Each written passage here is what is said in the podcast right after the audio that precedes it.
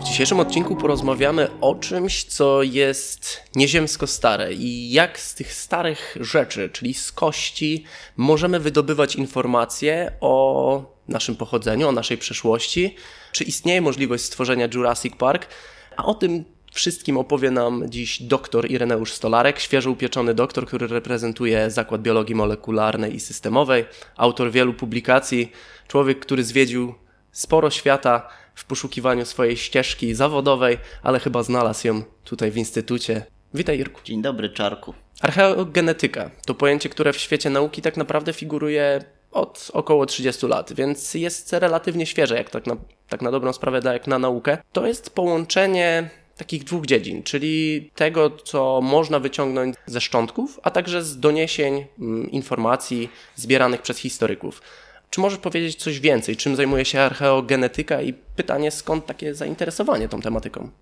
E, no właśnie, przede wszystkim mamy dwa pojęcia, które ze sobą niejako konkurują, a tak naprawdę to nie, czyli archeogenetyka i archeogenomika. E, genetyka w domyśle i właściwie tak badając początki tej, tej dyscypliny, to było badanie wybranych fragmentów DNA. E, natomiast archeogenomika jest to badanie już całego genomu, czyli całego materiału genetycznego, jaki jest zawarty w każdej pojedynczej komórce każdego żywego organizmu. I tutaj jeszcze tak, żeby się e, nad tym głębiej pochylić, to właściwie archeogenetyka e, nie badała kopalnych szczątków w swoich początkach, tylko podjęła takie wysiłki, żeby zbadać zmienność genetyczną ludzi żyjących obecnie i na tej podstawie próbowano wnioskować wstecz.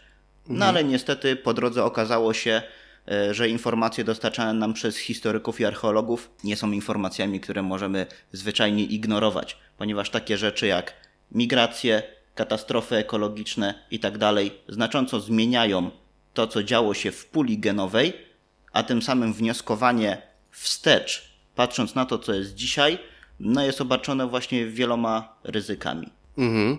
Powiedziałeś, że szczątki tak naprawdę to takie źródło informacji genetycznych i można wnioskować na podstawie ich bardzo wstecz.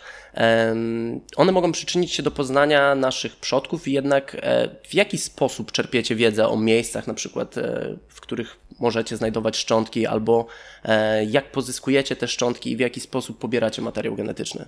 To była pewna zagadka dla nas. Archeogenomika można powiedzieć, że jest właśnie takim podejściem interdyscyplinarnym. Czyli trzeba posiadać kompetencje zakresu genetyki, genomiki, bioinformatyki, ponieważ to są bardzo duże zasoby danych, które musimy tutaj przerobić, żeby dojść do jakichś rozsądnych wniosków, ale również informacje na temat historii, na temat archeologii, na temat antropologii, ponieważ to są szczątki. Tak? Jak takie kompetencje nabyć? Trzeba zbudować interdyscyplinarny zespół. I właśnie ten interdyscyplinarny zespół zbudowany na przykład tutaj w Poznaniu, czyli my, Instytut Chemii Bioorganicznej, oraz y, Uniwersytet Adama Mickiewicza zbudował taki interdyscyplinarny zespół i o tym skąd brać takie szczątki, to właśnie wiemy od naszych kolegów e, z Uniwersytetu Adama Mickiewicza, przede wszystkim Katedra Antropologii.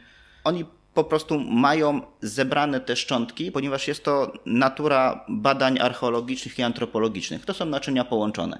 Kiedy archeolog odkopuje garnki plus szczątki, archeologa interesują generalnie garnki kontekst pogrzebowy i takie bardziej społeczne aspekty. Natomiast dla antropologa, zwłaszcza antropologa fizycznego, tym najciekawszym znaleziskiem są właśnie szczątki.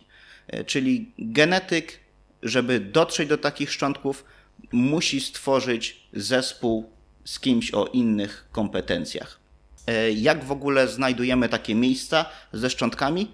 Albo są to badania satelitarne, ponieważ na podstawie zdjęć satelitarnych możemy wnioskować, że w tym miejscu dzieje się coś bardziej lub mniej ciekawego. Na przykład takie badania obecnie są prowadzone na terenie Puszczy Białowieskiej, czyli nawet z samolotu wykonywane są zdjęcia i na tej podstawie szukamy czegoś ciekawego, co może e, skrywać Ziemia tuż pod swoją powierzchnią, bądź jest to zwyczajny przypadek kierowany tym, że w Polsce wykonuje się dużo projektów infrastrukturalnych obecnie. Czyli zanim zbudujemy sobie autostradę, najpierw wytyczamy trasę i na tej trasie napotykamy przeróżne rzeczy. Czy w Polsce to dlatego tak długo trwa czasami? Być może, ale w innych miejscach to też jest bardzo skomplikowane. Właściwie bardziej takim, ta, ta, takim tematem, który wzbudza emocje jest to, że trwa to długo. Dlaczego? No bo są jakieś prace ratunkowe, tak? Mhm. E... Jeżeli byśmy zniszczyli ten materiał, nie bacząc na to, że budujemy jakby drogę, zaczęliśmy budować drogę i nie baczymy na to, na to stanowisko, moglibyśmy stracić materiał, z którego byśmy mogli uzyskać masę informacji tak naprawdę.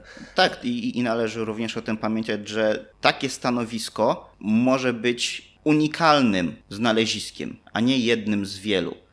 Mhm. Czyli e, zapomnienie o tym i, i, i, po prostu przekopanie się przez to stanowisko no może być stratą, a właściwie na pewno będzie stratą, której nie da się powetować. A powiedz mi, Irku, w jaki sposób tak naprawdę dostaliście informacje od e, antropologów czy historyków, że w tym miejscu prawdopodobnie będą znajdowały się jakieś szczątki?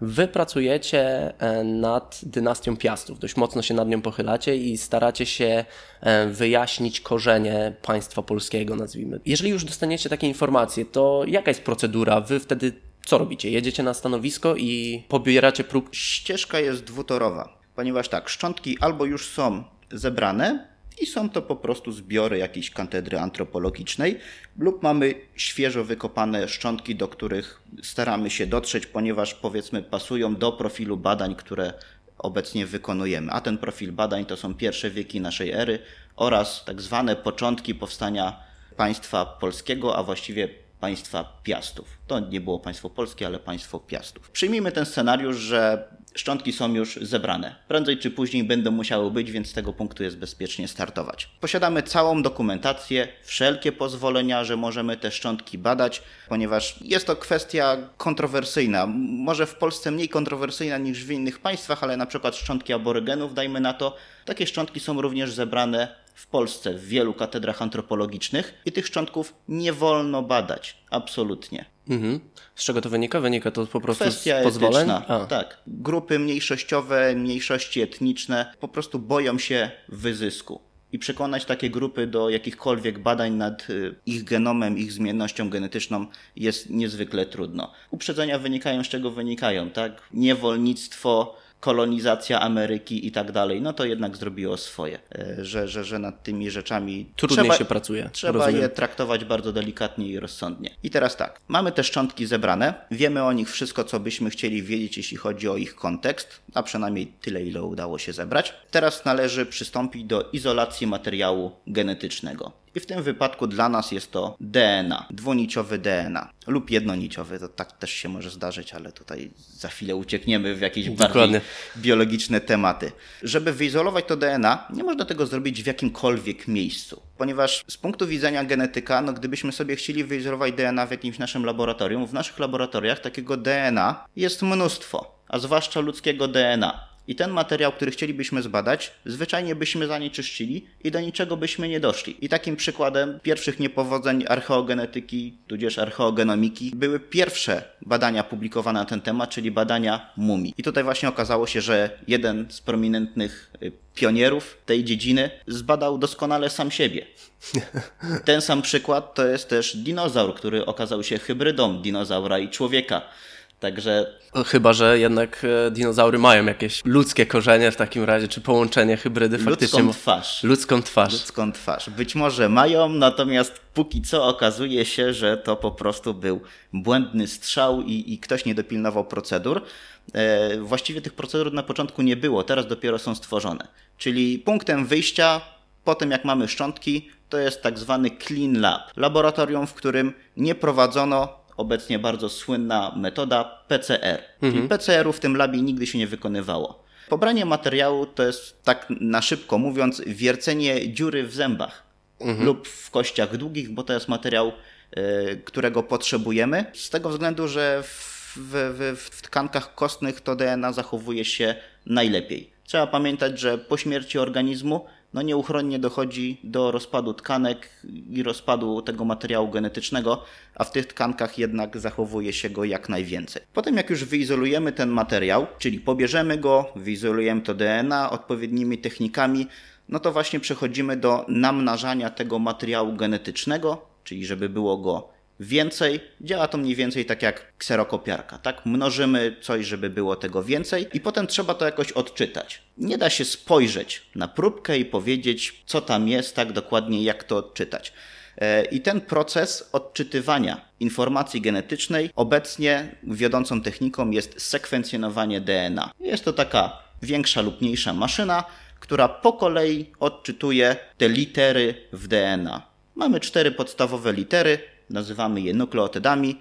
To jest adenina, cytozyna, tymina i guanina. Mamy tylko te cztery, właściwie jest ich też więcej, ale tutaj ponownie ja tak nie, wchodź, nie, wchodźmy zbyt głęboko. Od czasu do czasu będę wspominał, ponieważ kiedyś moja mama mnie się pytała, synu, co ty robisz w pracy? I ja powiedziałem, że badam sekwencję czterech liter i nie rób ze mnie idiotki.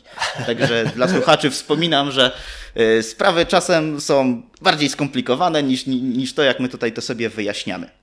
No i wtedy wchodzi twój etap tak naprawdę, bo ty jesteś bioinformatykiem i ty pracujesz nad e, właśnie informacjami, które zawarte są w materiale genetycznym pobranym, wyizolowanym i zsekwencjonowanym.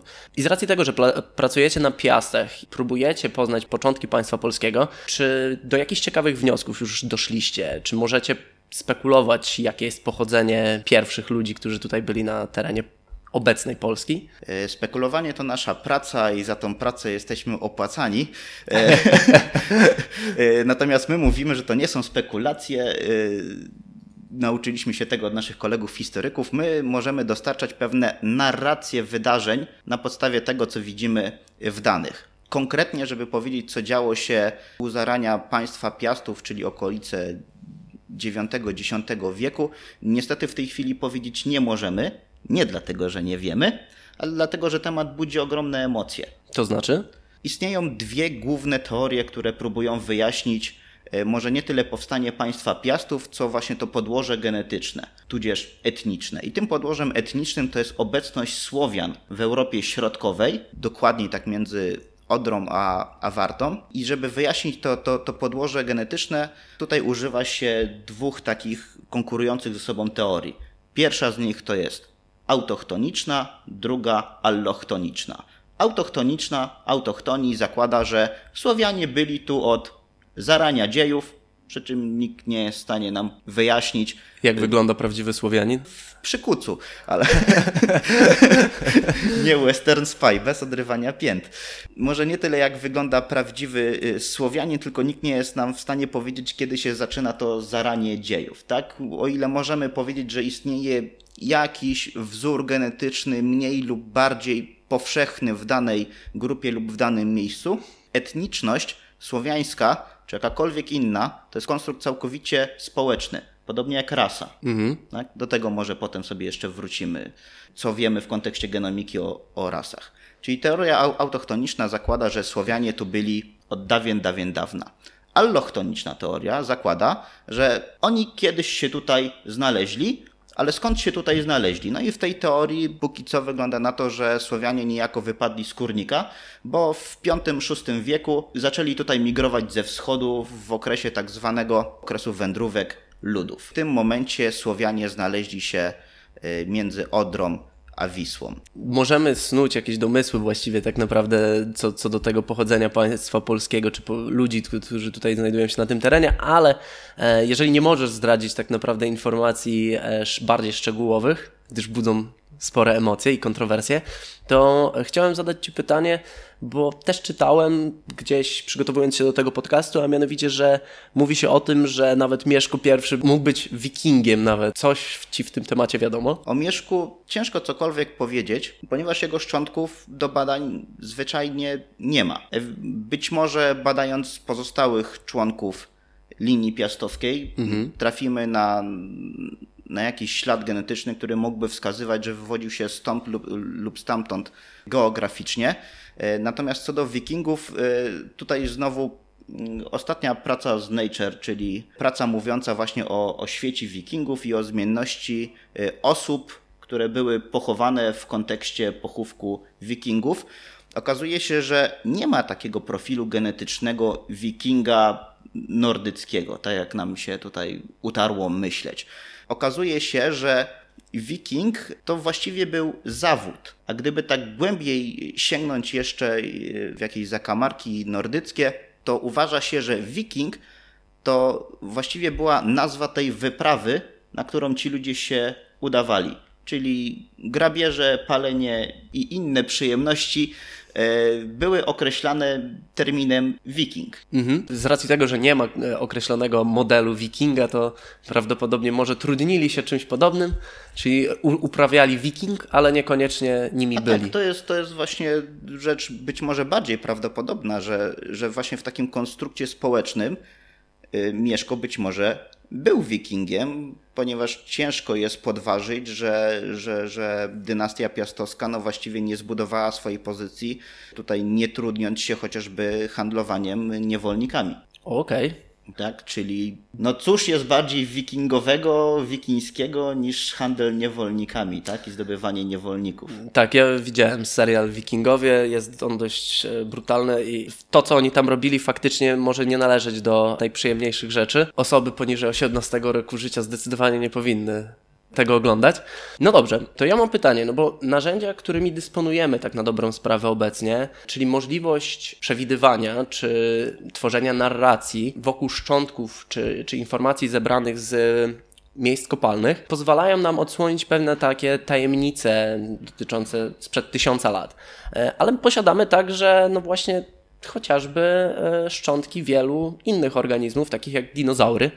Więc e, pytanie brzmi, czy materiał e, mógłby nam posłużyć do tego, żeby zrekonstruować niejako taki park jurajski? Jak daleko jesteśmy w stanie się cofnąć z takimi badaniami? Jak długo przetrwać jest w stanie informacja genetyczna? No i czy tak naprawdę komar zatopiony w żywicy mógłby nas przybliżyć do Spielbergowskiej wyspy. Może warto wyjść poza ramy mówienia archeogenetyka, archeogenomika, historia i tak dalej, nazwać całe to poletko badaniem przeszłości albo historią biologiczną. Tak? Odniesienie się do dziejów i do biologii, czyli wszystkiego, co działo się w dziejach tej istoty żywej, a w przypadku dinozaurów już nie. Może przedstawmy słuchaczom dogmat biologii molekularnej. Tak, to jest e, najpopularniejsze pytanie na egzaminie, również było zadane bodajże na moim egzaminie doktorskim niedawno. Dogmat biologii molekularnej zakłada, że DNA jest przepisywany na RNA, RNA jest przepisywany na białko, a białko robi wszystkie magiczne rzeczy w naszych ciałach. Gdybyśmy chcieli zbadać DNA lub RNA pochodzące od dinozaurów, jest to niemożliwe patrząc na to, w jakim tempie rozpada się DNA, nie zachowa się ono w tych szczątkach.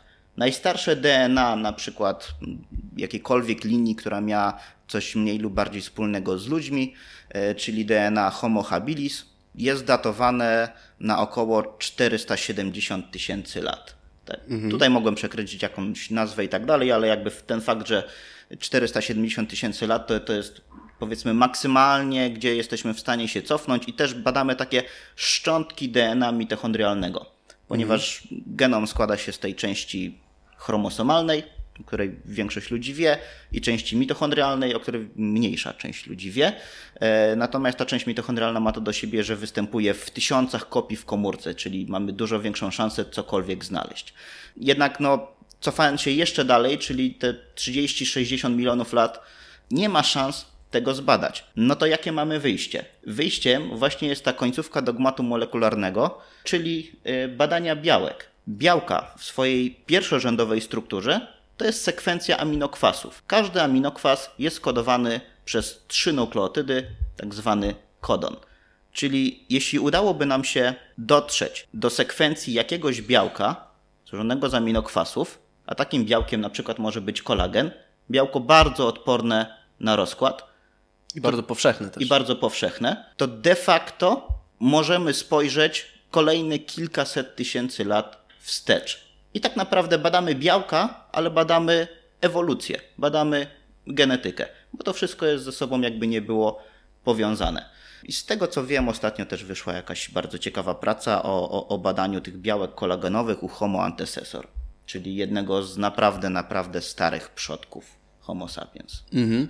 No, stan obecny ludzi, czy Homo sapiens sapiens, których my jesteśmy reprezentantami, reprezentantami, to tak naprawdę jest już taka bardzo wyewoluowana i jedyna forma Homo chodząca po Ziemi, po naszym globie.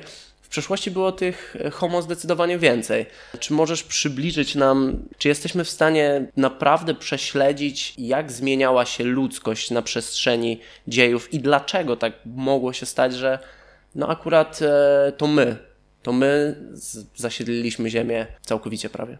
Zaczynając właśnie od tego, co wspomniałeś, że obecnie Homo sapiens sapiens to jest jedyny przedstawiciel Homo chodzący po Ziemi. Chodzący po Ziemi.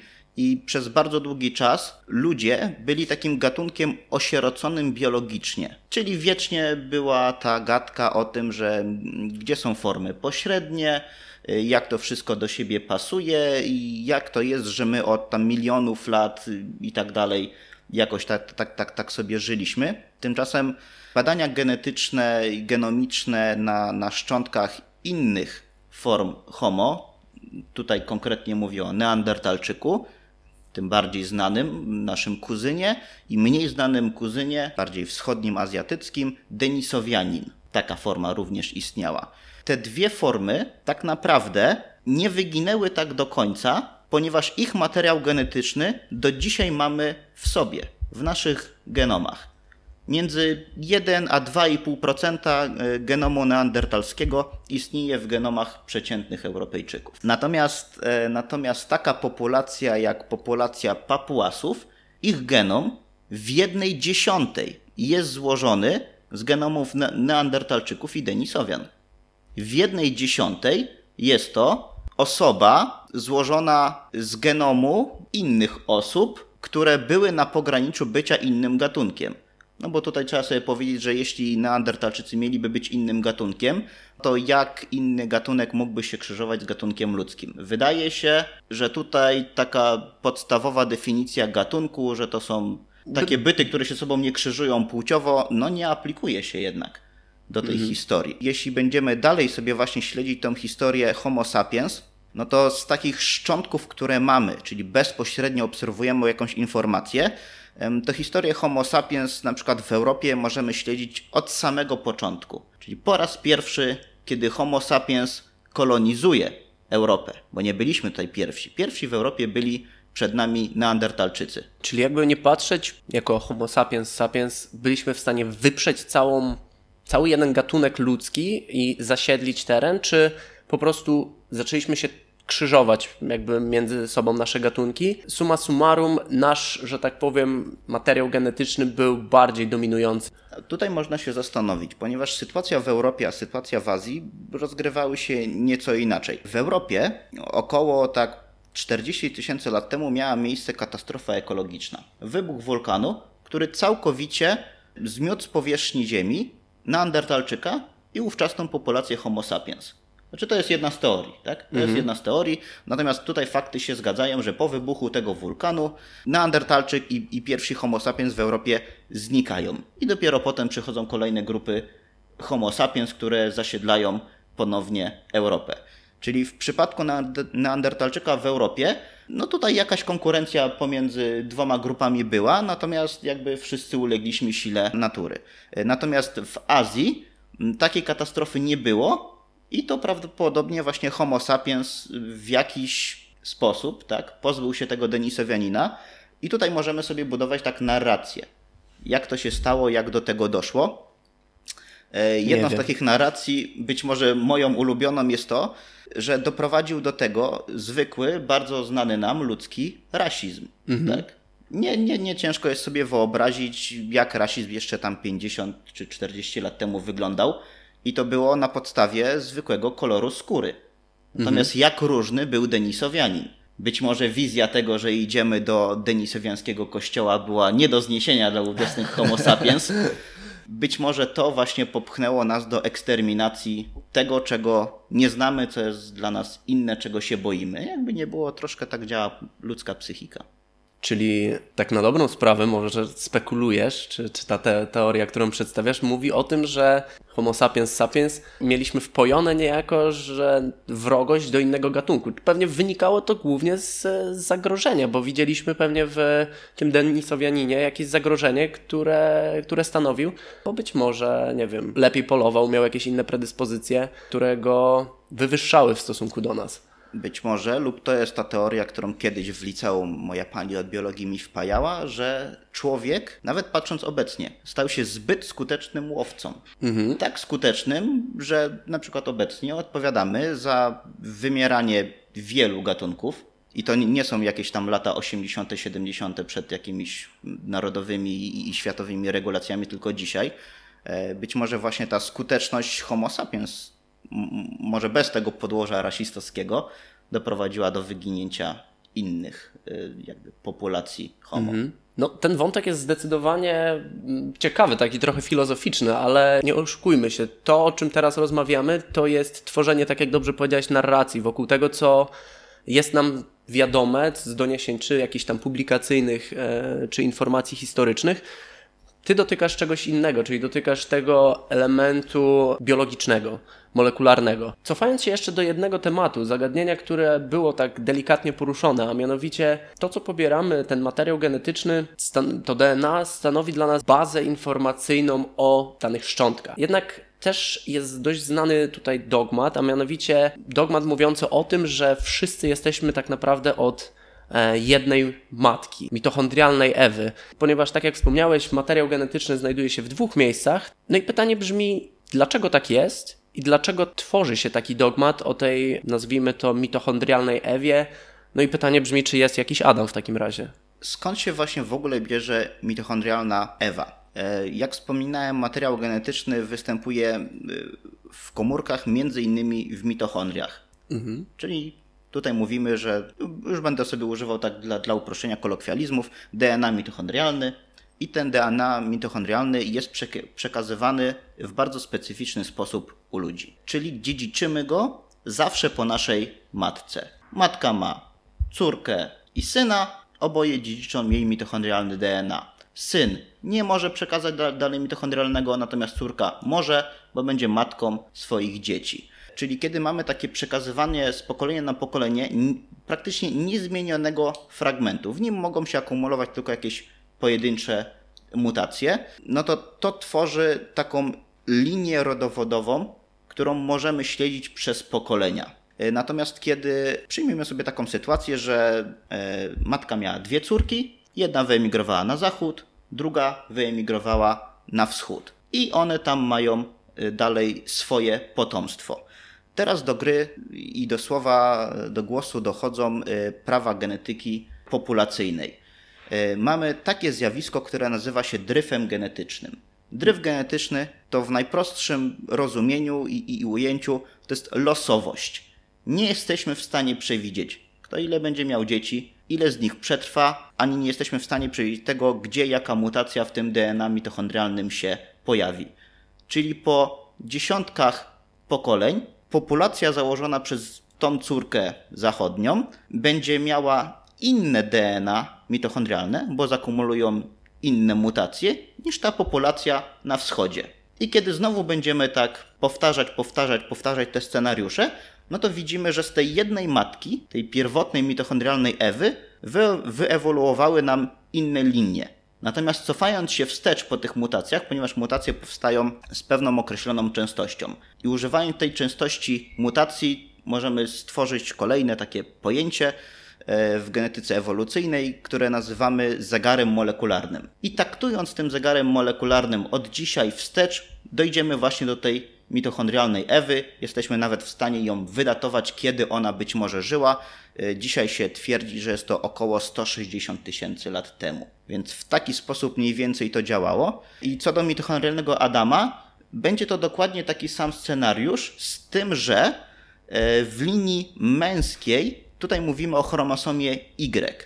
Tylko chłopcy mają chromosom Y. I ten chromosom Y to jest analogiczna sytuacja jak z DNA mitochondrialnym, czyli dzielą się i tak dalej. Jak rozdzielimy na dwie populacje i one nie będą się ze sobą krzyżować, przez dostatecznie długi czas, no to tworzą się dwie linie i tak dalej, i tak dalej. Ogólnie teorią, która to wyjaśnia, to jest teoria koalescencji, tak? Czyli obserwując dzisiejsze wszystkie linie mitochondrialne, czy tam allele, czy jakkolwiek sobie tutaj nazwiemy tą, ten fenomen zmienności genetycznej, który badamy, to cofając się wstecz, taktując tym zegarem molekularnym, dochodzimy do tej mitochondrialnej Ewy, czy mitochondrialnego Adama.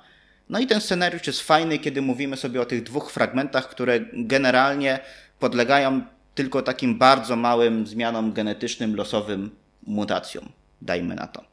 E, natomiast DNA autosomalny, kiedy ja mam swoich rodziców, to tutaj już mam dwóch przodków. W przypadku mitochondrialnej Ewy, jakby jedno pokolenie wstecz, to jest jeden przodek, tak? Dwa pokolenia wstecz na DNA mitochondrialnym, dalej mam tylko jednego przodka, tak? Bo tylko po tej jednej kobiecie mhm. mogę to dziedziczyć. Natomiast w DNA autosomalnym, czyli w moich chromosomach, jedno pokolenie wstecz mam rodziców, dwa pokolenia wstecz mam dziadków, już jest cztery. Trzy pokolenia wstecz mam pradziadków, czyli tutaj lecimy potęgami dwójki. Mhm. E, czyli gdybyśmy chcieli powiedzieć na przykład w, kontek w kontekście DNA autosomalnego o, o mitochondrialnej Ewie czy mitochondrialnym Adamie, to w przeciągu kilku pokoleń będą ich setki i tysiące. Mhm. I z czego też wynika to, że dzisiaj się datuje mitochondrialną Ewę na 160 tysięcy lat. Ponieważ tylko takie mitochondrialne DNA dzisiaj udało nam się odnaleźć. Gdybyśmy znaleźli linię mitochondrialną starszą, starszą to przesuniemy wiek mitochondrialnej Ewy znacznie wstecz. Czyli na przykład gdyby ten neandertalczyk przekazał nam swoje DNA i taką linię neandertalskiego mitochondrialnego DNA znaleźli, znaleźlibyśmy u jakiegoś człowieka żyjącego dzisiaj, to mitochondrialna Ewa przesunęłaby się wstecz około 400 tysięcy lat. To jest okay. pewna perspektywa, tak?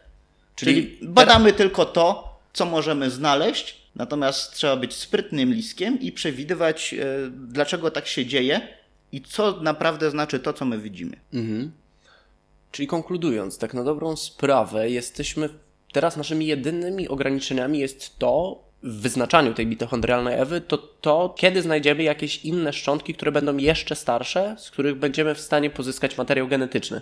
To dokładnie być tak, może tak. dość, może diametralnie nawet zmienić tak naprawdę już postrzeganie, czy datowanie, czy te wyniki, które są do, tego 100, do tych 160 tysięcy lat e, przed naszą erą, bo zakładam, że jeżeli cofnęlibyśmy się zdecydowanie bardziej, no to mogłoby to drzewko, takie nazwijmy to, zmian, mogłoby się całkowicie inaczej ułożyć. Ale... Tak, i, i również trzeba tutaj jakby, muszę to zrobić, bo jestem zobligowany. Myślenie o ewolucji jako o drzewie jest błędnym przekonaniem. Mhm. Chociażby z tego względu, że skoro to jest drzewo, to jak gałąź neandertalska znajduje się wspólnie z gałęzią Homo sapiens sapiens, tak? Czyli bardzo nierówne drzewo by było. Bardzo nierówne drzewo lub jakieś liście na nas spadały. Ale wydaje się, że raczej jest to sieć, sieć powiązań. Mhm. I w przypadku człowieka to właśnie mamy taką sieć i, i my mówimy sobie na przykład o genomach, tak? Że mamy genomy takie, śmakie i owakie. Tymczasem być może powinniśmy mówić o czymś szerszym niż genom, na przykład pangenom. Czym taki pangenom jest? Jest to po prostu zbiór wszystkich genomów, jakie badamy. W przypadku człowieka jest to no, karkołomne i bardzo drogie przedsięwzięcie, ale patrząc chociażby na bakterie, kiedy patrzymy na ich pangenom, to widzimy, że są takie fragmenty genomu, które są niezbędne dla danego gatunku i każdy przedstawiciel tego gatunku te geny ma. Mhm. E, a są takie geny, które nie są niezbędne tej bakterii, na przykład jakieś czynniki wirulencji. I tylko niektórzy przedstawiciele tego gatunku mają takie geny. I kiedy badanie w nieco mniejszej skali było przeprowadzone na populacji ludzkiej, e, na Afrykańczykach, to widzimy, że populacja afrykańska, czyli ta, z której wszystko się generalnie wywodzi, powinna mieć dużo większą zmienność genetyczną. I okazuje się, że pan genom zbadany w Afryce zawiera ponad 300 fragmentów DNA nigdy wcześniej nieobserwowanych. Wiele z tych fragmentów to są domniemane geny. Czyli znaleźliśmy nowe geny na kontynencie afrykańskim, co do których nie mamy absolutnie bladego pojęcia, co one robią i za co odpowiadają. I tutaj możemy się też zastanowić w kontekście naszego polskiego poletka, czyli genomiczna mapa Polski. Mhm. Nasz huczny projekt, który zbada zmienność genetyczną mieszkańców Polski dzisiejszych. Czy tutaj też znajdziemy takie fragmenty, które były mniej lub bardziej unikalne dla tego regionu? A co na przykład właśnie z tymi mniejszościami etnicznymi w Polsce, tak? Mhm. Czy na przykład Kaszubowie może? Jeśli w domyśle i, i naprawdę genetycznie to była jakaś populacja bardziej zamknięta genetycznie, to czy u nich zachowały się jakieś unikalne fragmenty DNA? Być może tak, być może nie. Co to znaczy, nikt nie wie. Trzeba to zbadać. Czyli wejście w archeogenomikę to jest e, niejako, czy genetykę, to jest, otworzyłeś trochę puszkę Pandory, tak na dobrą sprawę. Tak, bo... no to mówiłem, tutaj jest niestety mnóstwo konceptów, które się ze sobą przeplatają. No i to jest takie kontinuum czasoprzestrzenne, mhm. to co badamy, czyli przede wszystkim to, czego nas nauczyła archeogenomika, to jest to, że ludzie, którzy dzisiaj żyją w danym miejscu, bardzo rzadko żyli tu od zawsze. To prawda. No poza tym jeszcze też e, musimy pamiętać o tym, że są różne sposoby były pochówku osób, e, to znaczy pewnie kremacje, ciała były palone, nie tylko grzebane, tak więc tutaj też straciliśmy pewnie spore pole do popisu, do źródło informacji po prostu. Tak, to, więc... to, to, jest, to jest jakby nawiązanie na, na, na poziomie archeologii chociażby do, do tych naszych rozważań mm, z zakresu genetyki co do mitochondrialnej Ewy, czyli badamy to, co jest. Mhm. Mamy tak, szanowni państwo, mamy dwa rodzaje pochówków. Albo ktoś y, poddał się ciałopaleniu, albo został pogrzebany. Ten, którego pogrzebaliśmy, jesteśmy w stanie badać genetycznie, ten, kto poddał się ciałopaleniu, nie możemy go badać genetycznie. Także apel, proszę się nie palić, jeśli chcecie, żebyśmy mieli dalej pracę tutaj w tym zakresie.